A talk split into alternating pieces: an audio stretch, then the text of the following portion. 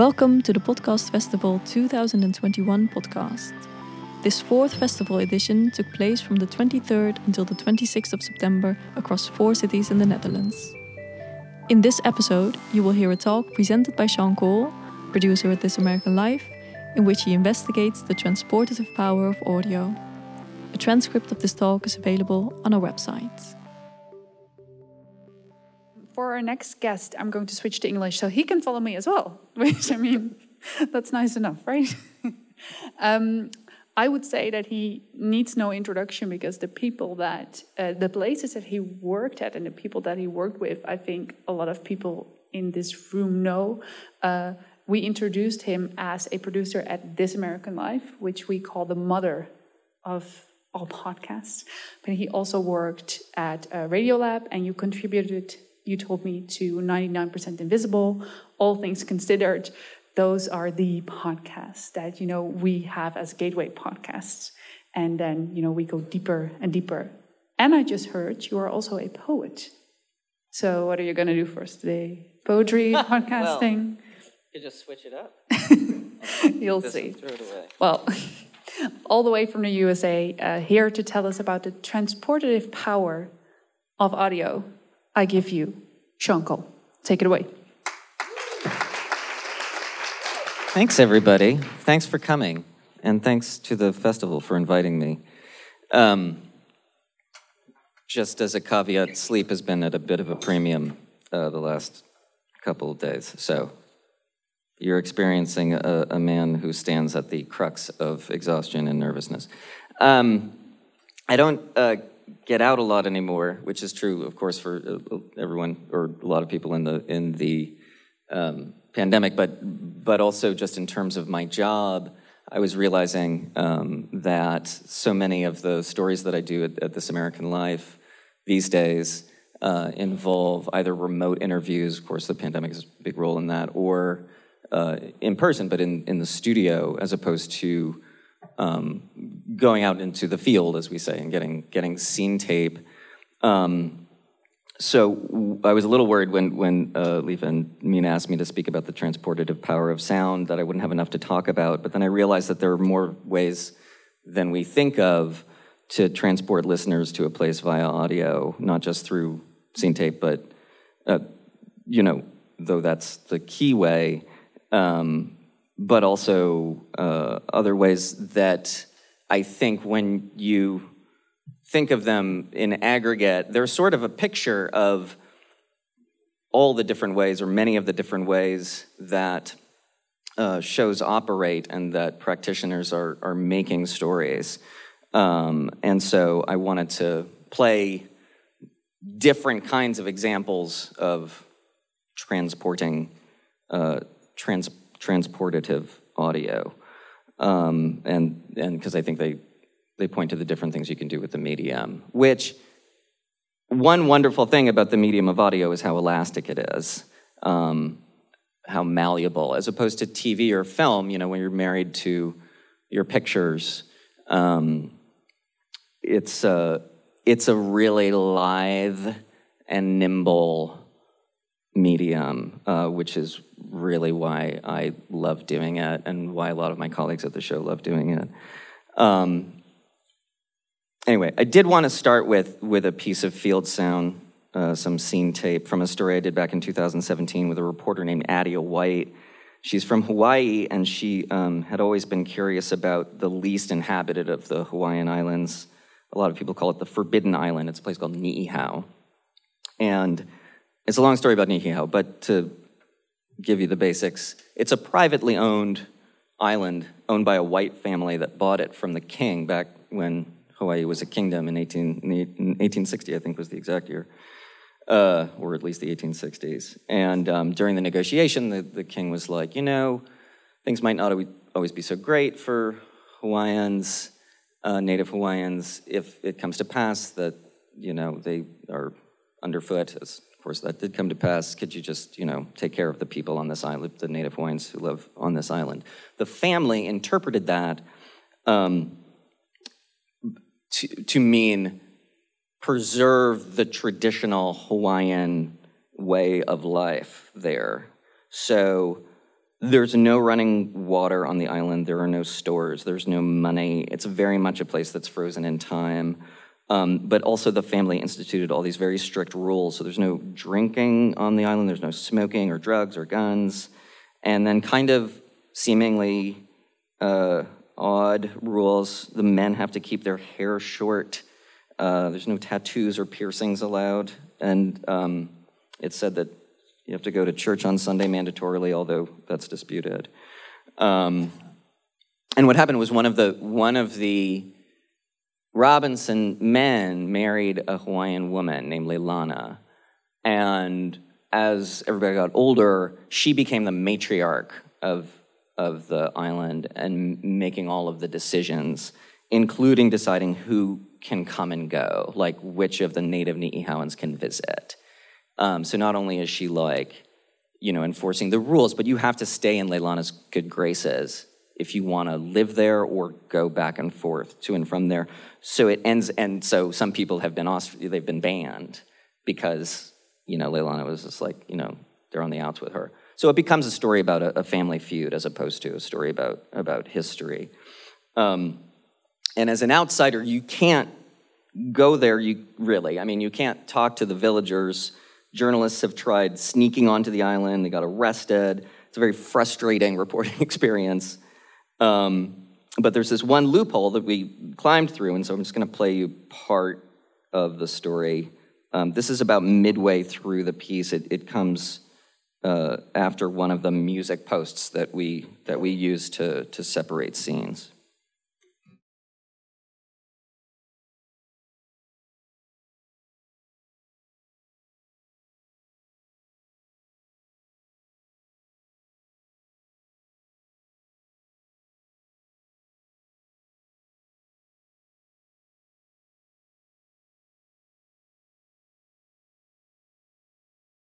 Cell service on Ni'ihau. I am on Ni'ihau. I'm standing on the just the wildest beach that I've ever been to. Like act like by and by wild I mean kind of like wilderness. It's like a it's like this weird untamed beach with these lava outcroppings in it and the water is is this unreal, multicolored organism. It's just it's just fantastic here. Um, so I thought I should call you from Ni'ihau, and um, and I'll see you soon. All right, bye. Adia. There is one way outsiders can set foot on the Ni'ihau. Up, oh, animal poop, just like everywhere. Back in the 80s, the Robinsons bought a helicopter partly so they could respond to medical emergencies on the island. And to offset the cost of it, they started offering tourist trips to Ni'ihau. Not to the village, you still really can't get anywhere near the village. But anyone with $440 who's not afraid to ride in a helicopter can take this half day tour where you soar above the island and then land for a few hours on its northernmost beach. It's a beach the villagers use themselves, though they stay away when tourists are around. So there were no people, not a single building in sight except this one weather beaten pavilion with a storage hut across from it.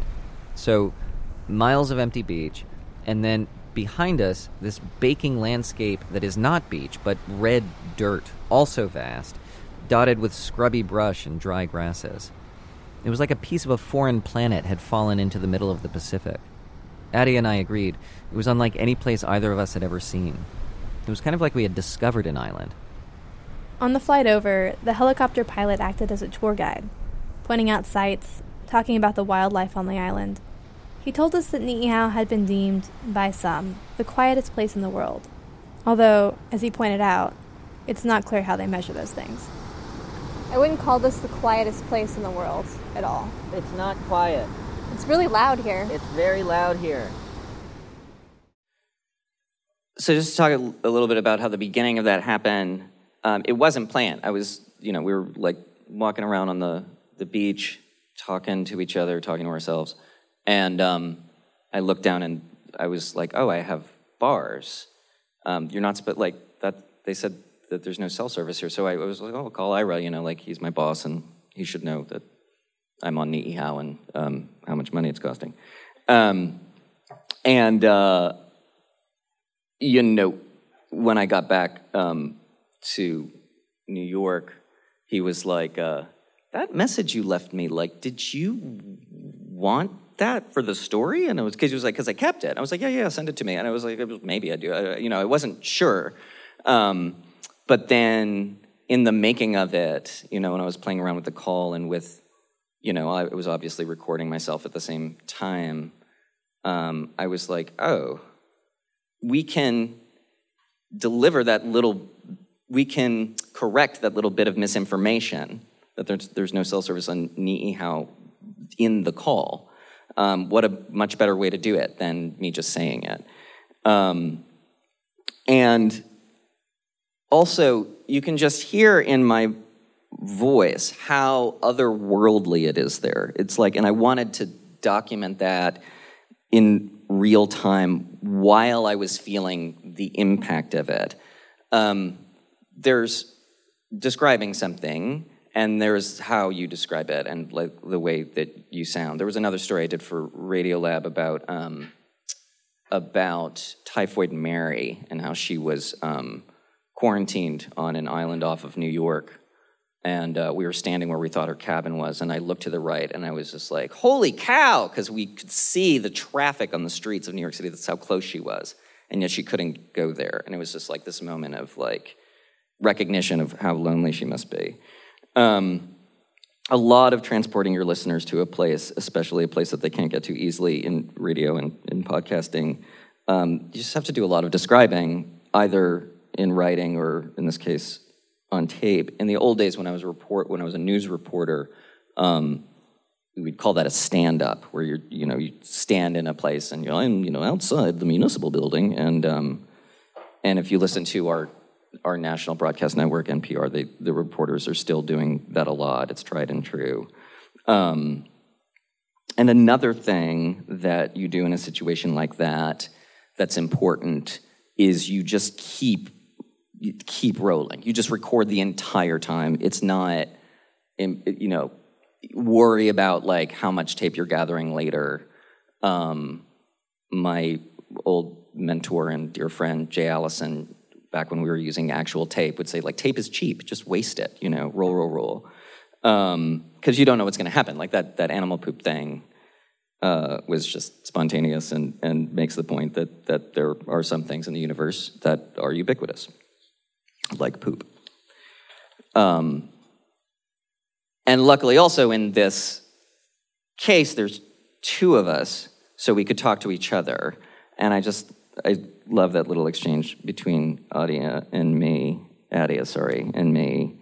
Um, the other thing we, we talk about doing, especially when you're documenting uh, documenting a place that's virtually static, like a beach, that's not really changing much, is just we we call it making tape, just like observing, reflecting.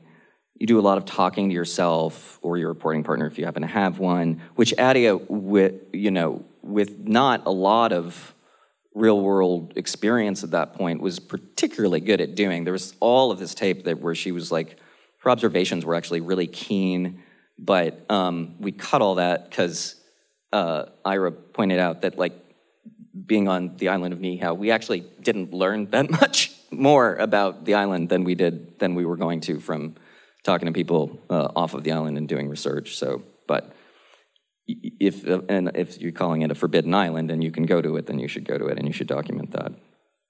So pretty much that little clip. There are a few different ways of transporting listeners, listeners to a place.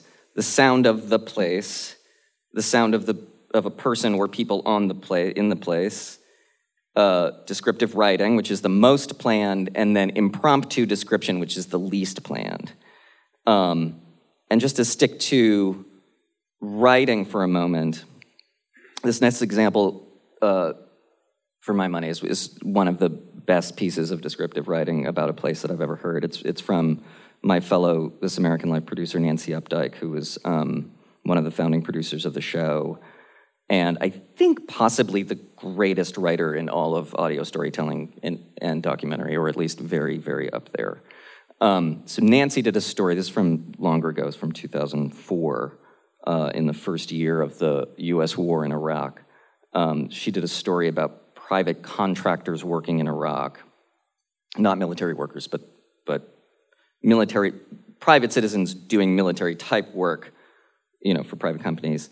Uh, there were a lot of them, and she asked herself just what compels someone to, you know, who isn't in the service to pick up and, and move to a war zone.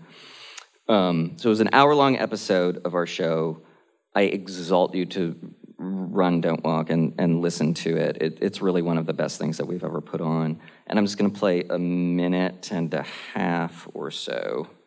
Um, this is where she's describing the green zone. Uh, oh, look. Um, which is, you know, this fortified area where the military encampments are and, it's, and successive regimes of, of, uh, uh of the leaders of Iraq. Um, and you'll, you'll hear it's, it's pretty lively there. There's a disco at the Al Rashid Hotel on Saturday nights in the Green Zone, karaoke on Fridays, taekwondo, an internet cafe, and a long outdoor flea market with Iraqi kids selling CDs or movies and porn on DVD fanny packs, makeup, satellite dishes. Also, a variety of Saddam themed lighters and watches. It seems the final stage of a brutal dictatorship is kitsch.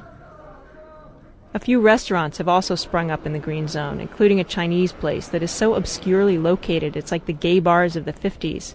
You have to go with someone who already knows where it is. Otherwise, why would you ever walk through the chipped opening in the stone wall next to the hospital and go down the long rubble filled alley? And if you did, how would you know to make a left into the small crabgrassy courtyard with plastic chairs and tables with boxes of tissue on them? In any other part of the world, this place would not survive. In addition to its difficult to find entrance, the restaurant is right next to a helipad. But this place is thriving. It is a monument to the power of word of mouth and to the desperation created by the fact that daily fare for most Americans in the Green Zone is meals at a cafeteria where food is prepared for thousands of people at a time. Dragon Chinese Restaurant is also a testament to the axiom, which I'm coining here, that Kung Pao chicken will always find a way to exist wherever Americans are present. I want the Kung Pao chicken. Number eight? Yeah, number eight. Okay. So just the specialness of that 90 seconds of writing with the, with the bit of tape at the end is hard to summarize one thing that struck me after thinking about it a bunch was how cinematic I've said this to Nancy, like and, and asked her if this was planned, how cinematic the structure of the scene is. So she goes from this literal wide shot, you know, with all of the stores and street hawkers and nightclubs and restaurants, and then the medium shot of just this one restaurant, one Chinese place that she focuses on, and then a tracking shot of the trip there and then she narrows in even further to a courtyard, and then finally a close up of a table with a box of tissues on it. Um, I think, if memory serves, she said that was not intentional necessarily, but it's just like, it's exactly how, uh, you know, beats in movies are structured often. Um, also, a word about the delicacy and inventiveness of the descriptions. She could have said, you know, we walked through a chipped opening in a stone wall down a narrow pathway, but no, first she compares it to the gay bars of the 50s in its obscurity. I assume she means American gay bars, not Iraqi gay bars. Um, and then instead of just explaining the trip, she says, Why would you think to walk or why would you walk through a chipped opening in a stone wall? And he, even if you did, how would you then know to take a left? So it's just so completely nailing the out of the wayness of it, more so than simply like, you know, fact by fact by fact, the trip there, which also, when you think of it, is not the most interesting thing to say, uh, like how you got somewhere. But she makes it interesting. Plus, the sheer innovation of the phrase, a testament to the axiom which I am coining here. Like, that is just pure balls. Who says that something is an axiom and that they are making it up right in the moment, you know? She, so she's like, this is a law of the universe, an axiomatic truism. And, but, you know, you don't need evidence. I'm just, I'm just telling you that it is. And on top of all of that, you've got the ambient tape running under everything, and then the helicopter leaving the helipad. So you've got plastic chairs and tables with boxes of tissue on them, helicopters overhead, and a distinctly American dude, so American he's Southern, sitting there in the midst of all of this ordering an axiomatic chicken. And I'm, I'm, I'm there, you know, I'm, I'm, I've been transported. Um, she's not just describing what she's seeing, she's imbuing the description with ways to think about the place, if that makes sense. Um, so, baking, you know, we talk at our show about uh, the two sort of building blocks. There's, it's more complicated than this, but the two sort of building blocks of, of the show are, are uh, anecdote, so story, and reflection, what a thing means. Um, and she's baking the reflection into the description, which is just so mind bending and, and hard in a certain way. She's, she's really something. Um, to go further with this, both examples from Ni'ihau and from the Green Zone, they're both heretofore outside of the reporter's experience, right? So the reporter is learning about the place right in front of you, traveling there so they can bring you there. This next, next example is more personal, uh, also from This American Life. I'll branch out slightly in a few minutes from our show, but this is just the way things landed. Um, it's from a story that I produced with a reporter named B.A. Parker. Uh, she was, I think, the production fellow at the time that she made this which we used to call them interns, now we call them fellows because they were coming to us with too much experience and it felt like you couldn't call them interns anymore.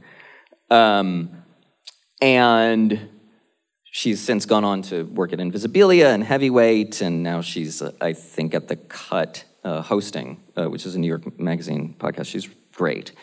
And what she goes by Parker. What Parker pitched to us was this place that she said all black children in Baltimore uh, where she grew up, would have to visit at some, where they would end up visiting at some point uh, when they were in school. It's a place called the National Great Blacks in Wax Museum. So, great figures and uh, black figures in history rendered in wax. Uh, in the lobby, there's Hannibal, uh, the great military general riding on the back of an elephant. Uh, there's overhead, there's the first black aviatrix Bessie Coleman.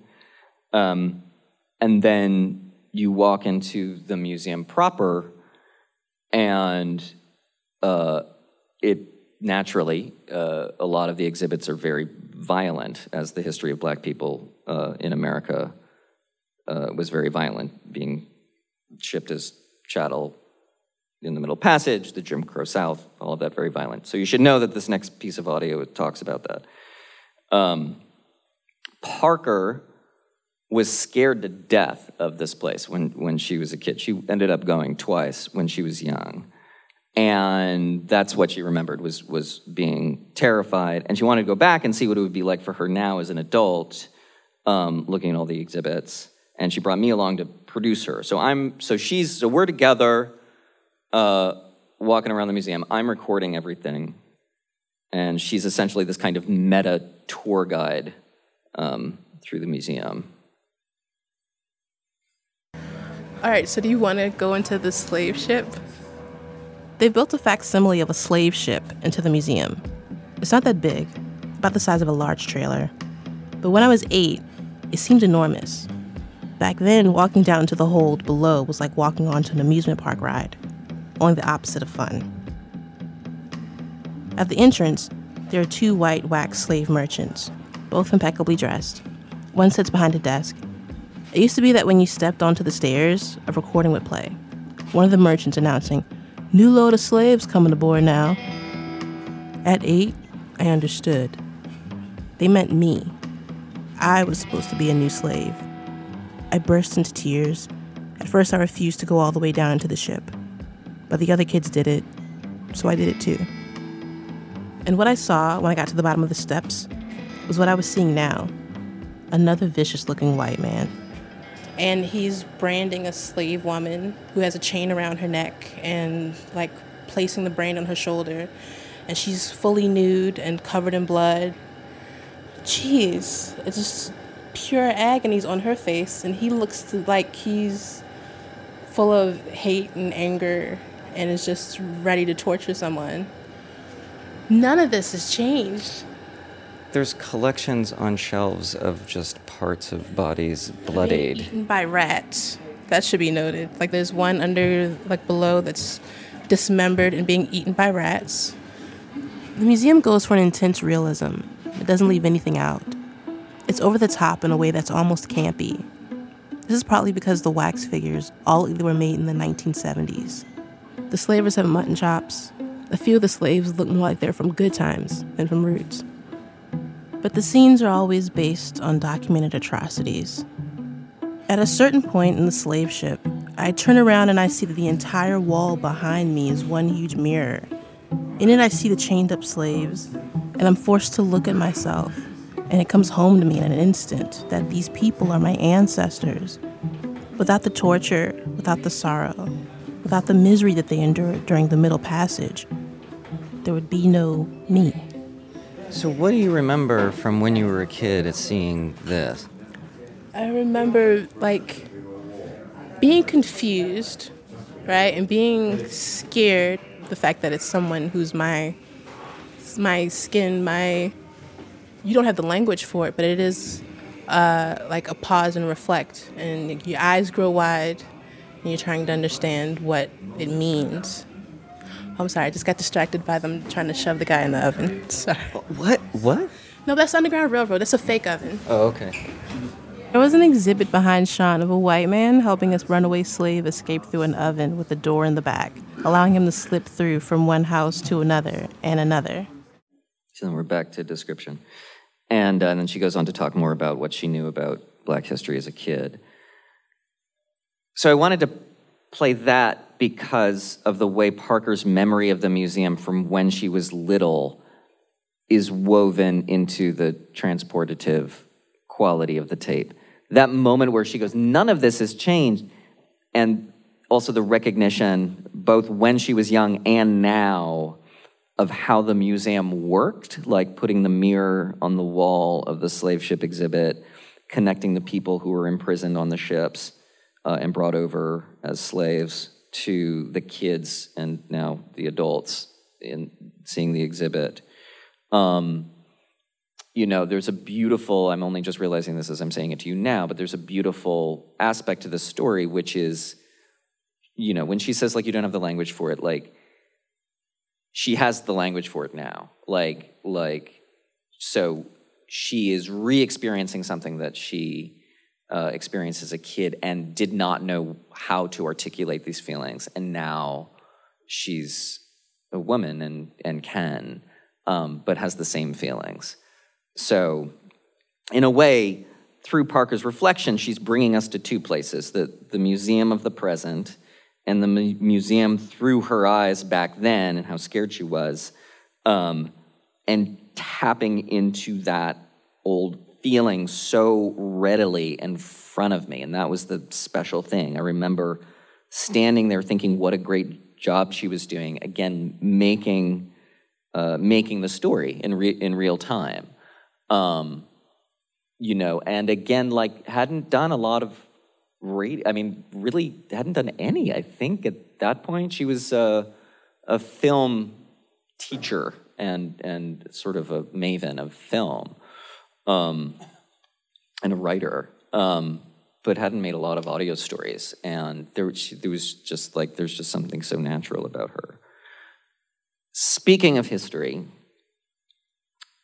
so there's a conundrum that you run into. I don't know if you guys, I can't see you, but how many, I'll pretend I can. No, I can see you a little. How many people make radio stories here?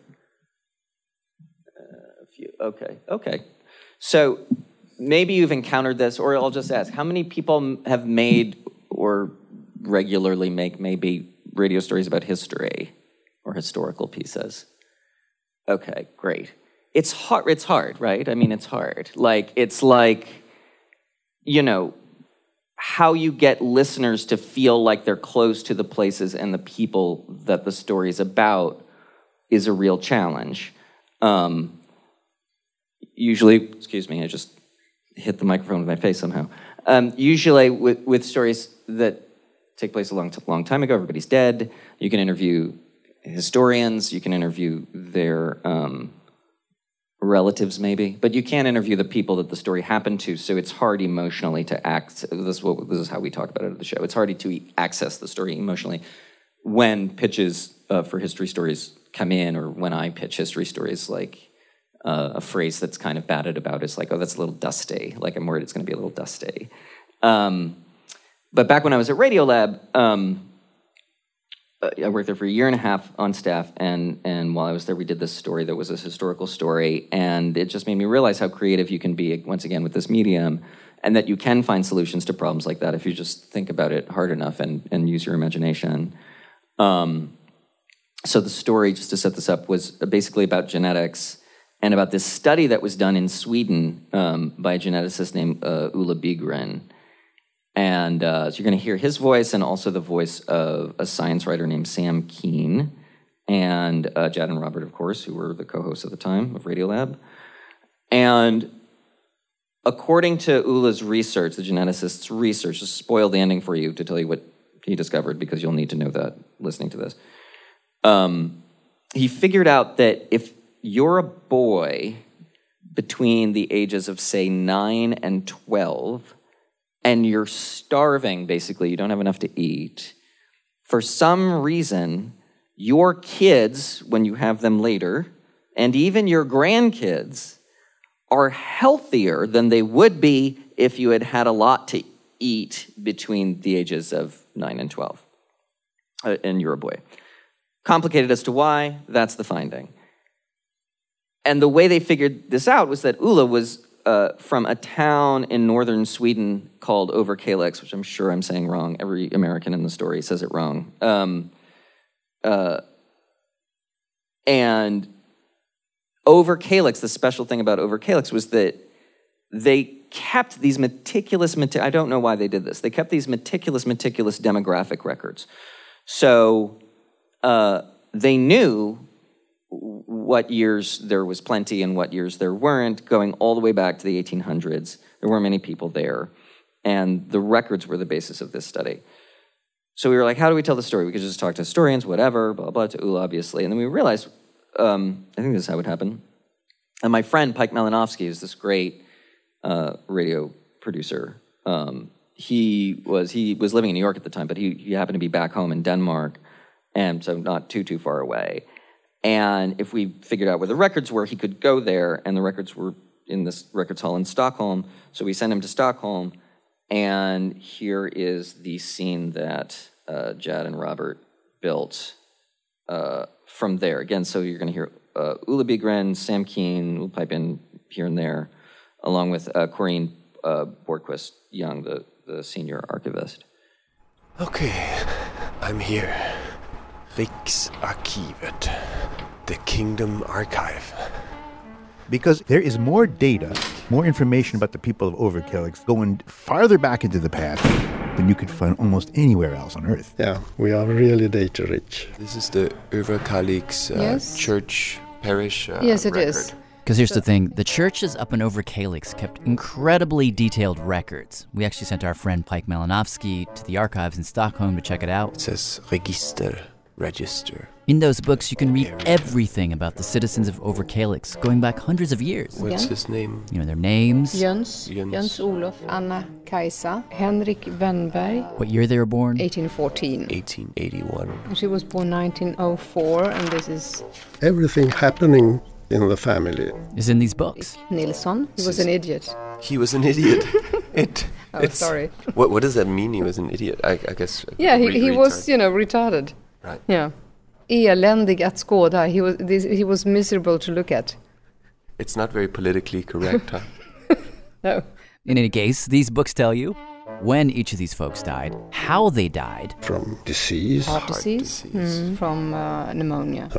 accidents, She drowned. Oh my god. a, a lot of diagnosis actually. Influenza. Cancer, heart disease, brain disease. And interestingly, the churches also kept track of the farmers' crops, crops and livestock. How much they were growing each year. which turned out to be kind of an interesting thing to look at because Vercalis. the people in Överkalix who were farming Trying to eke a living out of the soil. And here we have um, how much they harvested. they would experience these wild changes from harvest to harvest.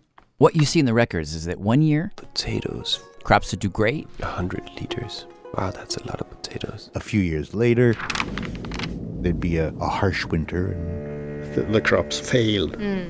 And when the crops failed, famines. Yeah. So sad. they basically starve.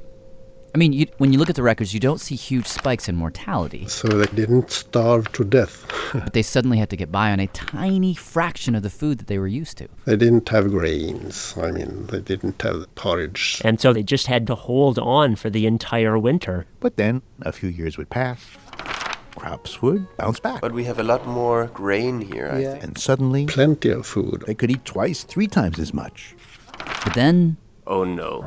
Total crop failure. famine again. And these changes would just bounce back and forth. Feast, Famine, feast, famine. and feast again. So what was lucky for the researchers, it turned it turned out was uh, in terms of the wealth of the demographic information, was also lucky for us too as radio producers. Um, we had this place to go, not Överkalix itself, but the Överkalix of the past, and through the records uh, of the people in the 19th century, Överkalix came 19th century Överkalix came to life, and you learn about their diets and their prejudices and what they died of, and this little Swedish town emerges in the in the ledgers. There's a feeling, um, plus there's a feeling of discovery on on Pejk's part, right? You can hear it in in his voice once again. Um, there's also in his voice the hush of you know that's really evocative of the place he's in is basically a library, uh, an archive. Um, but even more than that, the real vehicle of transport in that excerpt is is is Jad's production. Um, you know, the success of of resurrecting this long dead community was wholly contingent on the composing he's doing with flipping the pages back and forth, the leitmotif for the famine, the leitmotif for the bumper crop years. Um, and it's incredibly, you'll notice, efficient, like so much of what Radiolab makes. That entire section, which I find very evocative, um, is only three minutes long, and and then it's over. Like like Pejk doesn't come back, uh, Corrine doesn't come back. Their job is done. They have delivered us with Jad's piloting back in time and space, and then they get to the next beat of the story. Um, I think if we were doing it, I, I think we at our show we pay a lot of attention to pacing and and and trying to make sure nothing lags, um, and that none of the beats of the story linger too long or indulgent. Uh, it, which you know we do the best we can. It's not always as efficient as maybe it could be, um, but nothing like how intricately built and, and efficient a scene like that is. And they do it without cutting any muscle. You know, I mean, it's like.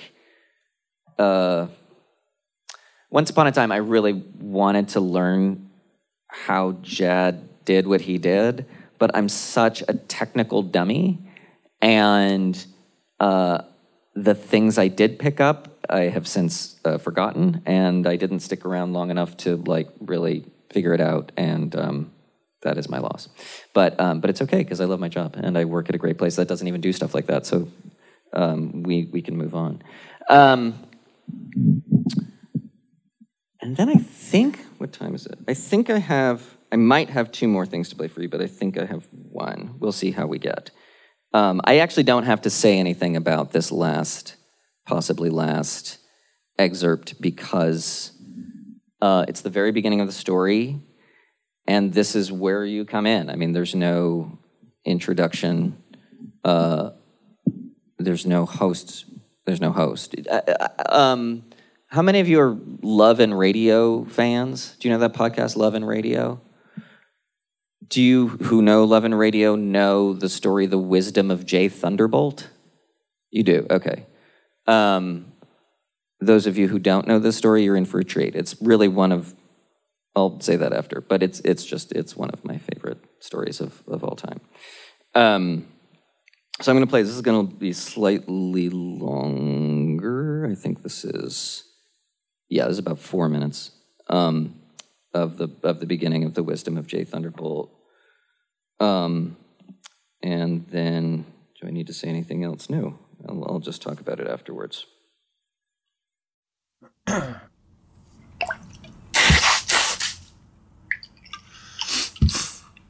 Excuse me. From? Bad sinuses. Gunshot. Yeah, do you mind if I ask you about that? What what happened? 11 years old. Wrong time, wrong place. Where'd you get shot in the face?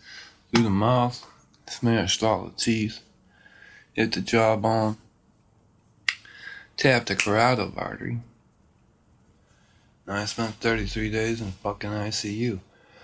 this guy's name was Janusz Sobczynski.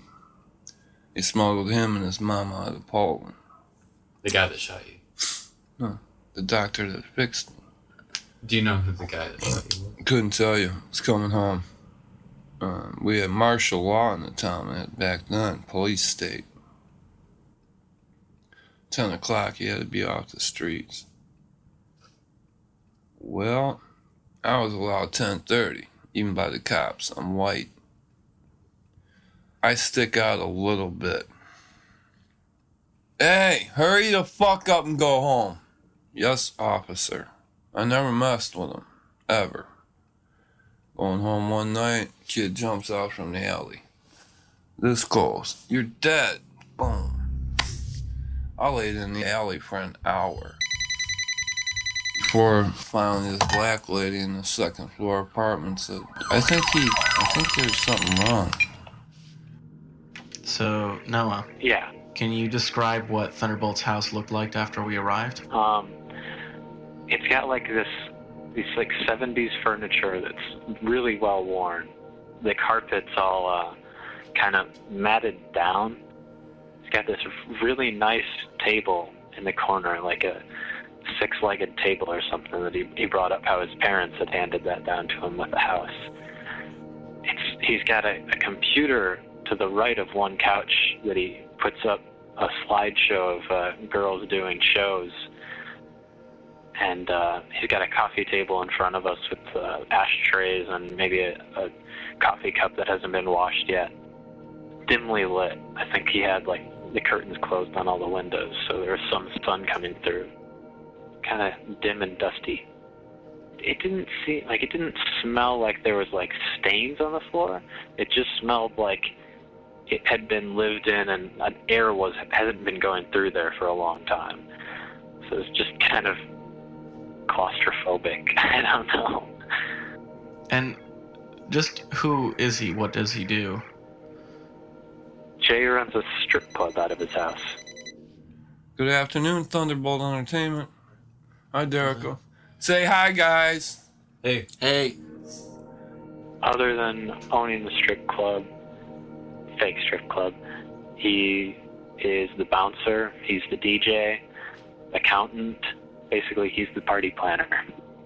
He does everything You guys got any money on you? You want some dances? besides the dancing. I was trying to You're scare fucking something up. chicken shit cocksuckers, aren't you? Nah, they don't want any dances. Give me a call in two hours, dear. Because I'm going to throw him the fuck out when this bottle This bottle's almost gone now. Alright. Bye.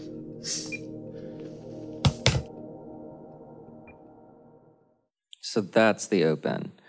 Um, so yeah, the story is about a guy who Jay Thunderbolt who runs a strip club out of his house, and basically about his life. And it's a, and then it ends up being about it's called the wisdom of Jay Thunderbolt because it ends up being about his philosophy. And it's like, well, I don't want to say too much about it because you just really need to listen to it. But it's really, I mean, this is a story that I carry around like a like a record practically. You know, like I I break it out now and then all the time when now and then all the time. See, that's a contradiction. I break it out now and then um, when I just want to be inspired. Um, their decisions are decisions that like I not only would I never make, I'd never think to make. Like like they just do these. There are these little moves of production that are just that are so inventive. Um, if you know the show at all, so back when this story was made, the show was comprised basically of of Nick Vanderkolk, who is in that tape, um, the, sort of impresario of the show, and he's been making radio for more than twenty years. He still does Love and Radio, um, but at that time, um, there's also Brendan Baker, who who then was this wonderkind. I mean, he's he's even better now. I say wonderkind because he was younger, phenom of a of a producer and sound designer and and com- and composer. Um, and I was talking to Brendan one day about the story, thinking, you know, Brendan's main lookout was sound design, and like that's you know wanted to know kind of what went into his thinking there.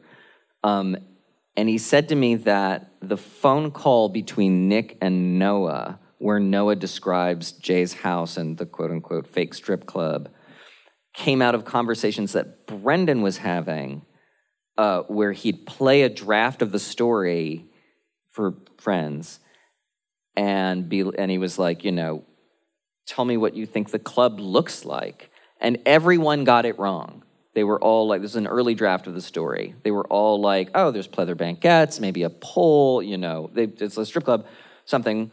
And and Brendan was like, no, no, no, it's it's it's in his living room, and insisted like we have to figure out a way. The thing with Love and Radio is it's not narrated in a traditional like you know like a traditional radio show or or a lot of podcasts. There's no writing with the tape. It's just like all tape and production usually. Um, and this was a rare case where throughout the story, in a few points, you hear you hear Nick speaking, um, not just on in interview, but sort of speaking to the audience.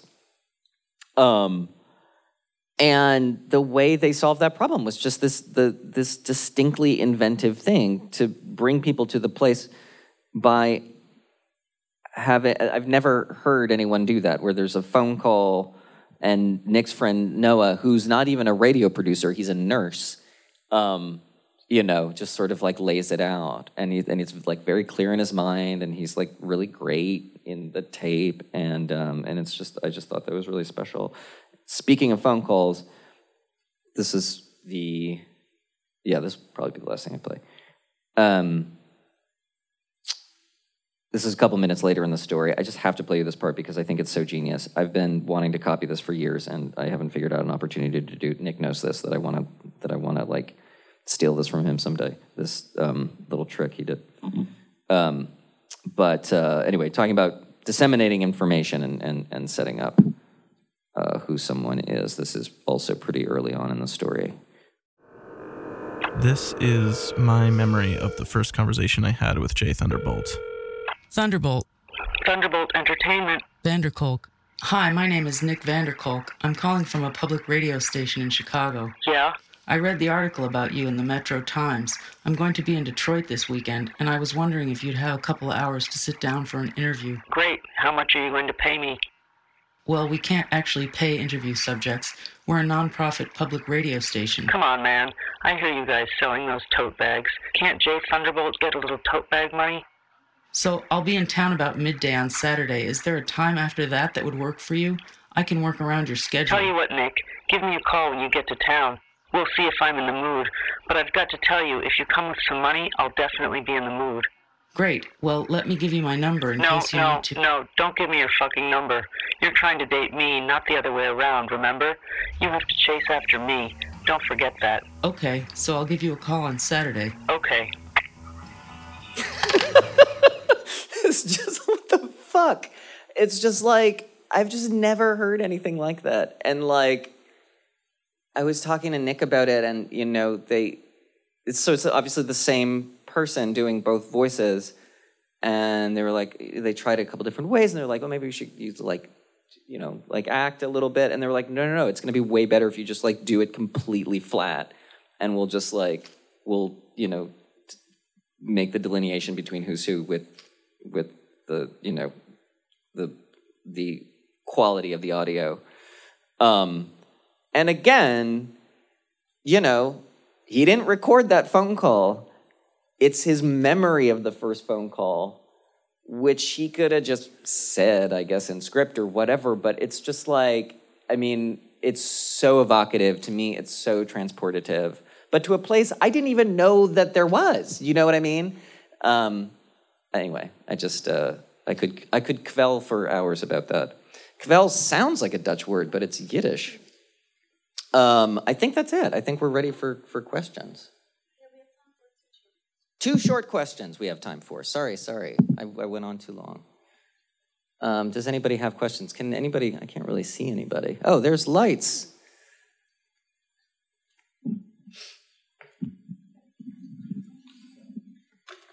Well, I'm not sure if it's a short question, but we talk, talked before, and I, and I asked you what your talk would be about, and you said, well, it's about transportative power, and I misunderstood you, and I said transformative power, and and then I said, well, I will not ask you a question about it, but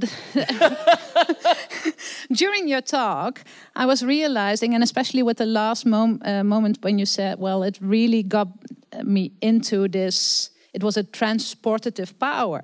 And then I was thinking, but do you think sound is also a transformative power? Because I, to me, it could be both, but you used a different word than I would use. Yeah.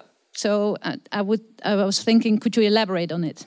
Sure. I mean, definitely. I mean, I like to think so. I'm working audio, so I, you know, I really like to think that that it has a transformative power as well as a transportative power. Um, you know, transporting is is in a way more quotidian than transforming. It's just like you know, getting from one place to another. Um, but but yeah, I mean, I've definitely I've I've felt.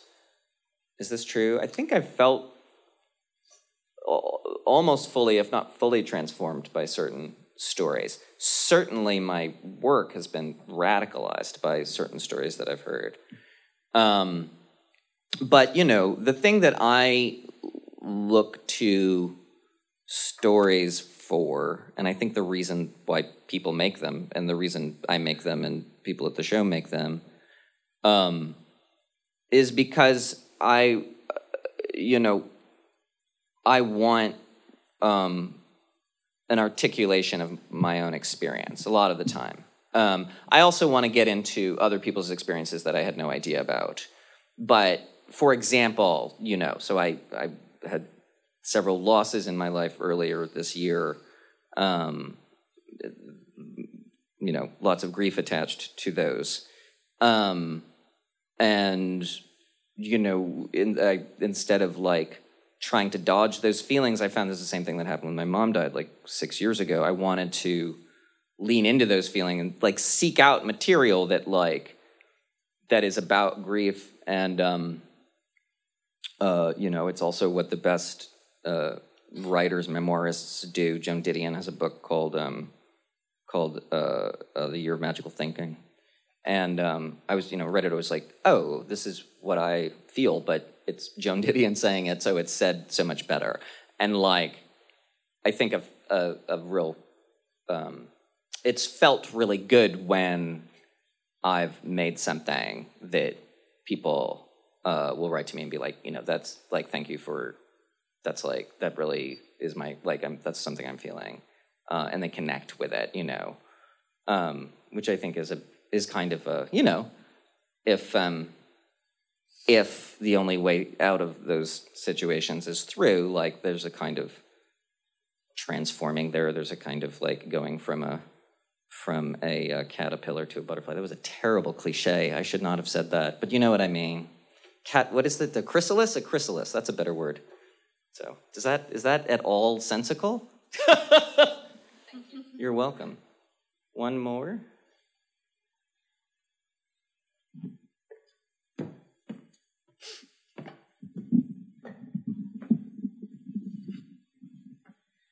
Yeah, I have a more practical question. Actually, I think A more what? Sorry. like more um, like a recommendation for you as a maker to other makers Mm. because I think when you compare American podcasts to Dutch podcasts, in my opinion, American podcasts are much better at voiceovers and describing, and I think Dutch podcasts are way more interviewing. And then sometimes when you listen to a podcast, you think, oh, now they're describing because they have to describe something because that's what you do in podcasts. Like I'm talking to a nice looking lady with brown hair and glasses. And then you think, well, as a listener, I don't really care. Mm. But when you're a maker, how do you feel that the way you're describing is actually really relevant to the listener and not just describing because you have to describe because you're making a podcast? I think if you're if you're if it's coming across as something that you're just doing because you're on the radio and people can't see it, then that's I feel like that's why you don't care when you hear it. Because it's just like the person's just doing it to be rote and they're not doing it to try to again theme of the of the festival and of the talk to to bring you to the place. Like the reason people do it the reason people do it is to like is to try to like bring you to the place that they are quote unquote are. It's on tape so it's in the past the place that they were. Um and when you do it well everybody loves it. Like like or everybody that i've talked to. And and again like really probably the best person at it for my money is is nancy. Um in that same uh hour um she she had she would just do these little like when the people she was talking to she would just do these little sketches um where like and it would just be like uh, like there would be these quick sections where with a character and she would like just sketch them like i can't remember the exact words but it's like oh like something like uh, this isn't exact but something like a like a too tall guy from oklahoma who needs to use uh, who doesn't use enough sunblock or could could use more sunblock which again she's not saying like he's red in the face or he has a sunburn or whatever. It's just like you know it's a thought that she had while she was talking to him and so she she says it. And it's evocative and it's and it's also it's conversational. Um uh you know the the main the main dude in that story you know he he describes like he wants he wants to hire you know like tough you know hard bellied you know rough guys or whatever. And she was like uh she and she plays him saying it again. She plays that description twice and she was like i think he got that description by looking in the mirror because that's exactly you know. And again it's just uh it's it's artful but it's also um it's int- it's intimate really. Um so it's not that we shouldn't do it. It's just that we must do it better i think. Sean, we could ask you a thousand more questions. thank you Everybody.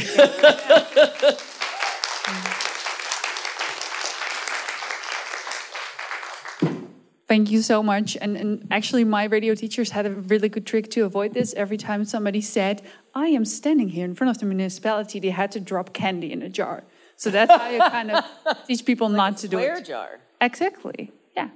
Uh, sorry, I'm standing in the wrong place for the light, but now I have light. Awesome. Thank you so much, Sean. That was very inspiring.